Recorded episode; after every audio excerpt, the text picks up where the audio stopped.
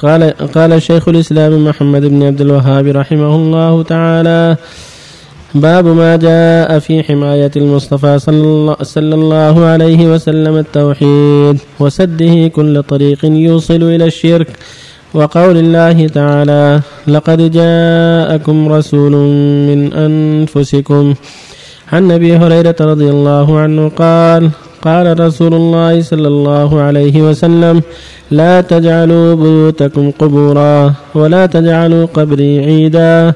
وصلوا علي فإن صلاتكم تبلغني حيث كنتم. رواه أبو داود بإسناد حسن ورواته ثقات. وعن علي بن الحسين رضي الله عنه أنه رأى رجلا يجيء إلى فرجة, إلى فرجة كانت عند قبر النبي صلى الله عليه وسلم فيدخل فيها فيدعوه فنهاه وقال ألا أحدثك حديثا سمعته من أبي عن جدي عن رسول الله صلى الله عليه وسلم؟ قال لا تتخذوا قبري عيدا ولا بيوتكم قبورا وصلوا علي فإن تسليمكم ليبلغني أين, كن أين كنتم؟ رواه في المختارة. بالله التوفيق بسم الله الحمد لله وصلى الله وسلم على رسول الله وعلى آله وأصحابه ومن اهتدى به. أما بعد هذا الباب في حماية النبي صلى الله عليه وسلم جنب التوحيد وسده كل طريق يوصل إلى الشرك.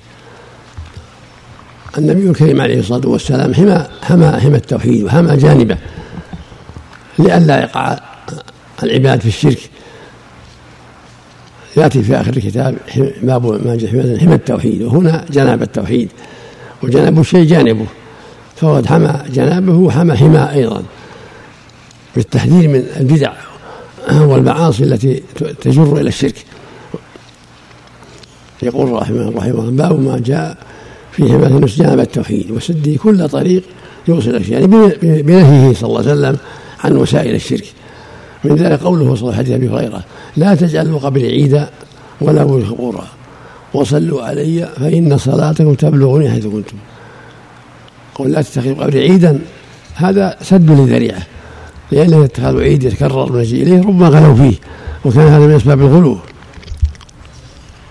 فنهى يتخذ قبره عيدا.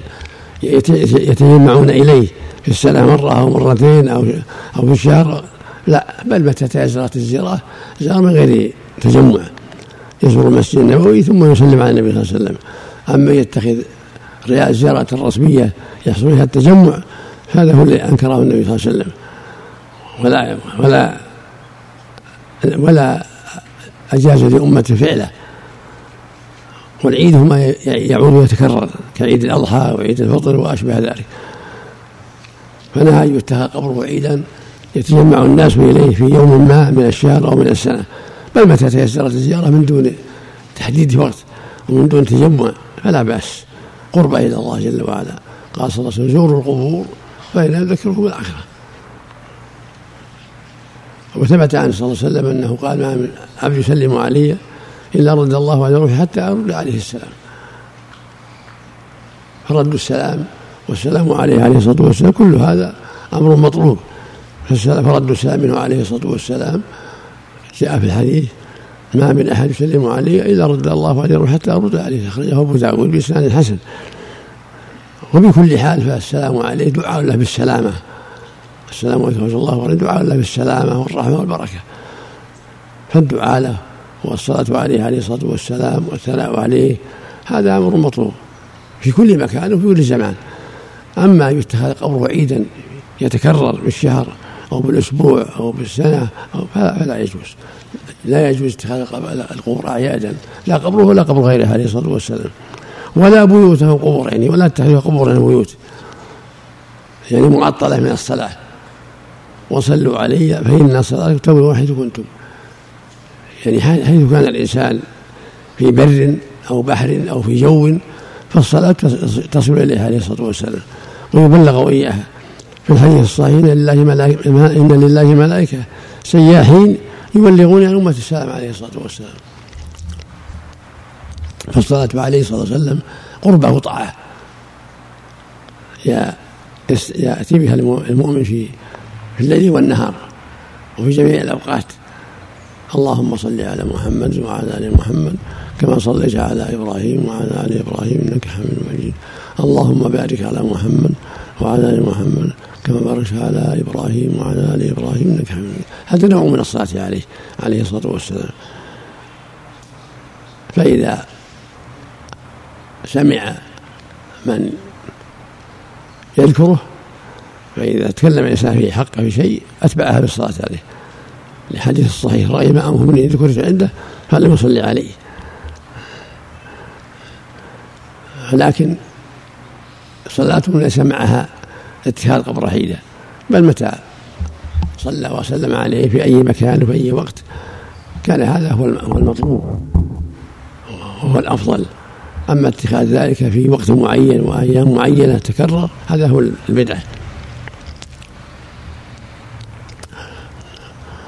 وهكذا حديث علي بن الحسين أنه علي بن الحسين بن بن علي بن أبي طالب.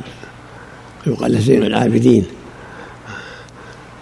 رأى رجل يجي فرجة عند قبر النبي صلى الله عليه وسلم فيدخل فيها فيدعو. فلما رآه خاف عليه من الغلو ونهى عن هذا الفعل. وقال له في اللفظ الآخر ما أنت ومن الأندلس إلا سواء يعني فلا حاجة إلى الدخول في هذه الفرجة. ثم أخبر أنه سمع أباه عن جده يقول لا تجعلوا قبري عيدا ولا بيوت وصلوا علي فإن صلاتكم تبروني حيث كنتم فالمصلي تنقل صلاته ويبلغها عليه الصلاة والسلام ولا حاجة إلى أن يتكلف بل صلاته تبلغ للنبي صلى الله عليه وسلم. إن لله ملائكة سياحين يبلغون عن أمة السلام. الحديث الصحيح وصلوا علي فإن صلاتكم تبلغني حيث كنتم اللهم صل عليه وسلم. وليحذر من الغلو فإنه يسلم ثم ينصرف علي خاف على هذا الرجل من الغلو في في وجوه في الفرجة خاف عليه من الزيادة التي تضره فحذره وأن وجوده هنا أو في الأندلس سواء ما أنتم من الأندلس إلا سواء. يبين له أن ربه قريب مجيب يدعى في كل مكان ويسأل. لا يحتاج إلى لا يحتاج إلى مزيد على هذا بل من حين يصلي على النبي والملائكة تنقل ذلك. إن لله إن لله ملائكة سياحين يبلغون عن أمة السلام. والحديث الصحيح صلى الله عليه وسلم وصلوا علي فإن صلاتكم تبلغني حيث كنتم. اللهم صل عليه هذا كله يدلنا على أن ينبغي الإكثار من الصلاة والسلام عليه في الطريق في البيت في المسجد في أي مكان. وأن قبره لا يجوز يتخذ عيدا يحلل له وقت يتجمع فيه الناس. لا بل متى تيسرت الزيارة زاره زار المسجد وسلم على النبي صلى الله عليه وسلم. وهكذا البيوت لا تتخذ قبور تهجر من الصلاة والقراءة. بل يشرع المؤمن يصلي في بيته ما تيسر مثل صلاة الضحى بعض النوافل صلاة الليل لأنها معدة للعبادة. والبيوت ينبغي ألا تخلو من العبادة. المساجد معدة للعبادة والبيوت ينبغي ألا تخلو من العبادة. لأن الشيطان يفر من البيت مما تقرأ في سورة البقرة كما جاء في الحديث. اجعلوا من صلاة بيوتكم ولا تتخذوها قبورا فإن الشيطان يفر من البيت الذي تقرأ في سورة البقرة. والمقصود أن الرسول صلى الله عليه وسلم حثنا على الصلاة والسلام عليه ورغب في ذلك وحتى بعض أصحابه على هذا الذكر مثل ما جاء في حديث علي بن حسين مجمع في حديث هريره في حثهم على أن يصلوا ويسلموا عليه في أي مكان والا يتخذ قبر عيدا يعني يتكرر بمجيئه بالشهر أو بالأسبوع أو بالليلة لانها وسيلة إلى الغلو. ولكن متى تيسر زيارة المسجد والصلاة عليه زاره وسلم عليه عليه الصلاة والسلام من دون غلو. السلام عليك يا رسول الله. السلام عليك يا أبو بكر. السلام عليك يا عمر.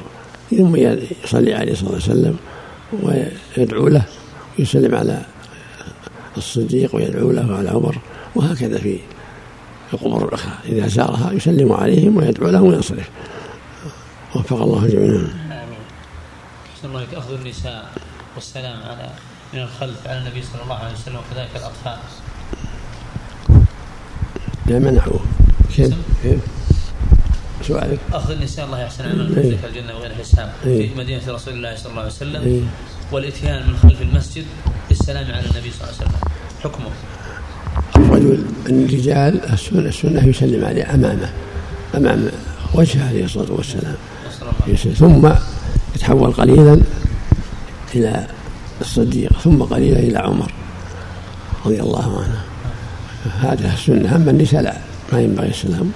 والأطفال ما لهم. لا. اللي يعرف يسلم يسلم على الرجال الأطفال إذا ينكر هم النساء السنة السنة لا يسلموا ولا والدولة تسهل معهم لأن بعض الأئمة يجيز زيارة النساء للقبور. فلهذا سهلت الدولة معهم في في الموضوع. ولكن الأرجح أن النساء لا يزورن لا قبره ولا قبر غيره عليه الصلاة والسلام. لقوله صلى الله عليه وسلم الحديث أن الرسول لعن زائرات القبور هذا عام.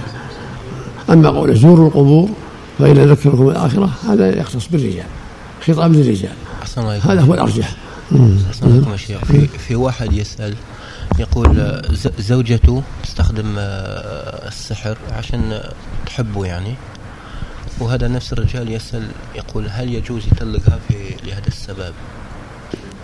ولها أربعة أولاد منها. كيف؟ يقول هل يجوز يطلقها في لهذا السبب يعني؟ وش وش وش عنده؟ وش وش السحر لا يقول الحرمة إيه. تستخدم السحر عشان تحبه. وش من, قال لها كذا؟ هو يقول متأكد في هذا أنت متأكد؟ فارقه وش هو كان متأكد لكن بعض الناس إنه مساوس. المهم هل يجوز يطلقها المقصود إذا؟ كان يتهمها بهذا فراقها أصلح له وأسلم له. يطلقها يعني؟ إذا فراقها أسلم له يطلقها هذا خير له. إذا كانت تهمته قويه نعم. بعض الناس عنده وساوس ما هي بتهمه لكن وساوس يظن أنها تفعل شوفها تحبه كثير ويظن أنها آه، تعمل له شيء.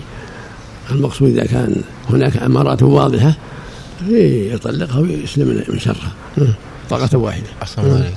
أحسن الله عليكم شيخ. الحكمة في تثنية المؤلف باب في جنابة حماية جناب التوحيد ومرة في حماية حماية الجناب جزء الجزء من الشيء. والح- والحماء ما وراءه.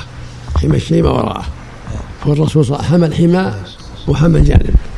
جانب التوحيد يعني ما أوجب الله على العباد من الطاعات حماها من الشرك ثم حمى الحمى. بقوله عليه الصلاة والسلام قال أنت سيدنا قال السيد الله تبارك وتعالى. قال لا قولوا قولا واحدا قول لا يستغنكم الشيطان مع أنه سيد الخلق عليه الصلاة والسلام. لكن حمى الحمى لئلا يغلو فيه نعم لئلا يتخذ الجائز وسيلة إلى المحرم نعم. إذا المرأة أرادت أن تصلي ركعتين في الروضة هل يمنع لها؟ ولكن لا تريد- بأس. الروضة مش- الروضة مشتركة. الروضة مشتركة بين الرجال والنساء. تشوف الوقت تشوف الوقت اللي فيه الرجال قليل تصلي فيها لا بأس. لكن لا يكون زحم مع زحمة الرجال. تشوف الوقت المناسب اللي يكون فيها ساعة. والحمد لله. أحسن الله. المسائل نهيه عن الاكثار من الزيارة نعم. المسائل قال نهيه عن الإكثار من الزيارة. إيش؟ النسائي قال رحمه الله نهيه عن الاكثار من الزيارة. هذا على الرجوع زوارات وجهة أخرى زائرات يعم القليل والكثير والفتنة تحصل. فزوارات ليس له مفهوم. لأن الرسول الآخر زائرات من دون- من دون مبالغة. سودة في هذا الباب. في هذا الباب يا شيخ في المسائل هذا الباب قال النهي عن الإكثار من الزيارة. إيه. لا حديث زائرات. لا في هذا الباب يا شيخ ما في حديث زوارج إيه. وش فيه؟ حديث هذا يا شيخ أحاديث الباب يقول يقول فيه النهي عن الإكثار من الزيارة. المسائل؟ إيوه. لا ما هذا خطاب النساء معروف أمرهم في باب في باب آخر ومعروف أمرهم في أبواب الزيارة. والمقصود هذا خطاب الجميع لا تتخذ قبر عيدا لا يجوز النساء يتخذوا عيدا مع انه ممنوع من الزيارة زيادة. الزيارة شيء واتخاذ عيد ملازمته أو تحديد وقت معين يجتمعون فيه هذا وسيلة للغلو.